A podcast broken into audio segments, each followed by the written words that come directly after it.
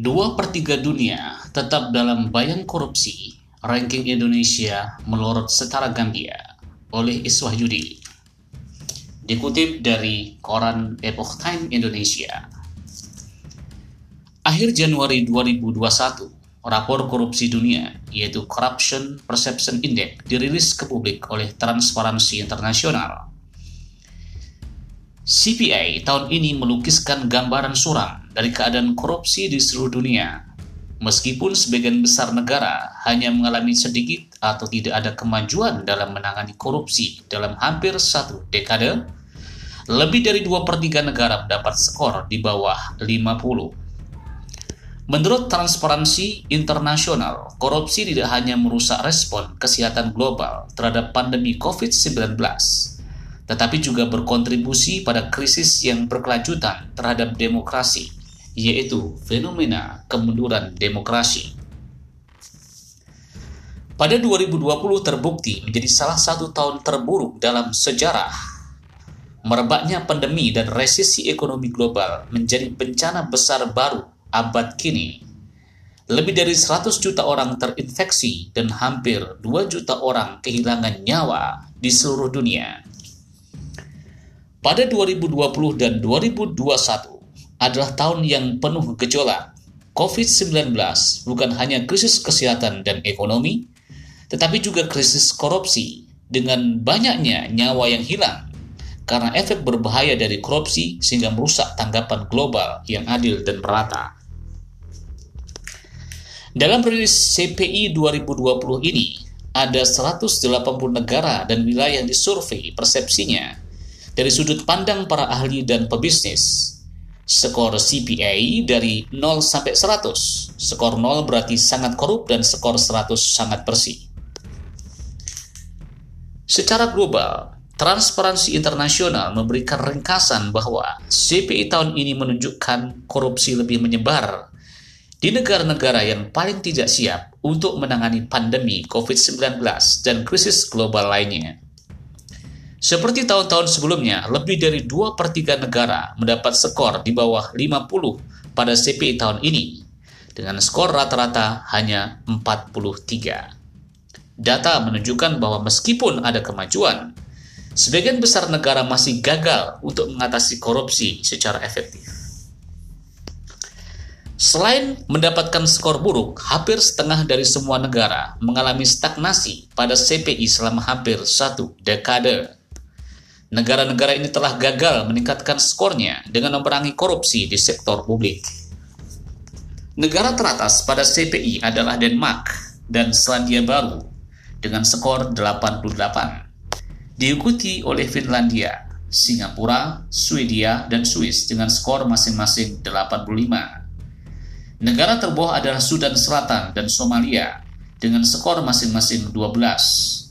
Diikuti oleh Suriah 14, Yaman 15, dan Venezuela 15. Sejak 2012, 26 negara meningkatkan skor CPI mereka, termasuk Yunani, Myanmar, dan Ekuador.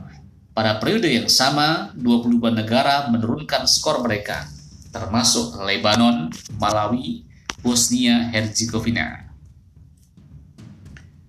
Ranking Indonesia melorot setara Gambia yang paling mengejutkan adalah setelah beberapa tahun Indonesia mengalami rapor yang terus meningkat dan mencapai puncak pada 2019, namun pada 2020 mengalami penurunan drastis sebesar 3 poin, yang mengakibatkan turun peringkat dari peringkat ke-85 terjun bebas ke peringkat 102, setara dengan negara di pojok Afrika, yaitu Gambia.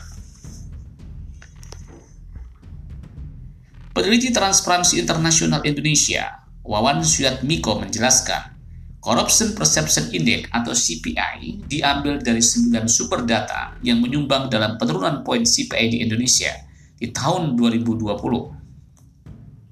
Menurutnya, kesembilan sumber data yang ikut andil dalam merosotnya peringkat serta poin IPK atau CPI Indonesia di tahun 2020 adalah Pertama adalah PRS International Country This Guide. Yang kedua, IMD World Competitiveness Yearbook. Yang ketiga, Global Insight Country Risk Ratings. Yang keempat, World Economic Forum, EOS. Yang kelima, Bertelsmann Foundation Transform Index. Yang keenam, Economist Intelligence Index Country Rating. Yang ketujuh adalah PRC Asia Risk Gates turun dari 35 poin. Kedelapan, Varieties of Democracy Projects. Kesembilan, World Justice Projects. Wan menyatakan secara umum beberapa indikator yang menyusun IPK yang berhubungan dengan skor ekonomi, investasi dan kemudahan berusaha mengalami stagnasi bahkan mayoritas turun. Dalam laporan Transparansi Internasional Indonesia, salah satu indikator paling penegakan hukum naik. Namun pada perbaikan layanan atau birokrasi dengan hubungannya terhadap korupsi stagnan. Selain itu, indikator terkait politik dan demokrasi mengalami penurunan skor. Atas hasil tersebut, Transparansi Internasional memberikan rekomendasi kepada pemerintah dan DPR dan partai politik untuk satu memperkuat peran dan fungsi lembaga pengawasan otoritas anti korupsi. Yang kedua, lembaga pengawas harus memiliki sumber daya dan kemandirian. Yang ketiga, memastikan transparansi kontrak pengadaan selama pandemi. Yang keempat, mempublikasikan dan menjamin akses data yang relevan.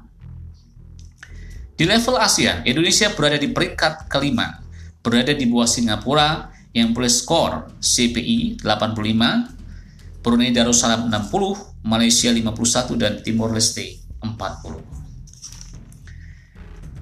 Tanggapan Menko Polhukam dalam diskusi virtual yang diselenggarakan oleh Transparansi Internasional Indonesia,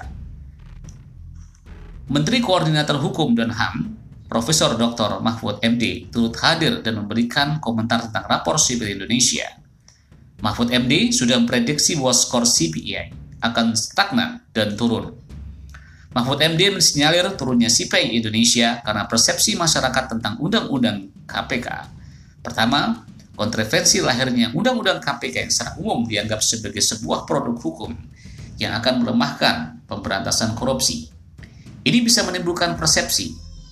Kedua, merosotnya IPK Indonesia diduga karena banyaknya potongan hukum yang diberikan Mahkamah Agung terhadap terdakwa dan terbina kasus korupsi pada 2020.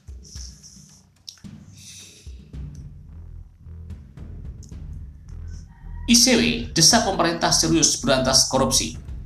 Peneliti ICW Kurnia Ramadan menjelaskan bahwa politik hukum pemerintah semakin menjauh dari agenda penguatan pemberantasan korupsi. Menurutnya, melorotnya skor CPA 2020 Indonesia semestinya menjadi koreksi keras bagi kebijakan pemberantasan korupsi. Data tersebut sekaligus membantah seluruh klaim pemerintah yang menarasikan penguatan KPK dan pemberantasan korupsi. Pangkal perusahaan utama pemberantasan korupsi di Indonesia yang terjadi belakangan ini tidak bisa dilepaskan begitu saja dari kebijakan pemerintah pada sepanjang tahun lalu. Saat itu pemerintah dan DPR ngotot merevisi Undang-Undang Nomor 30 Tahun 2002, yaitu UU KPK.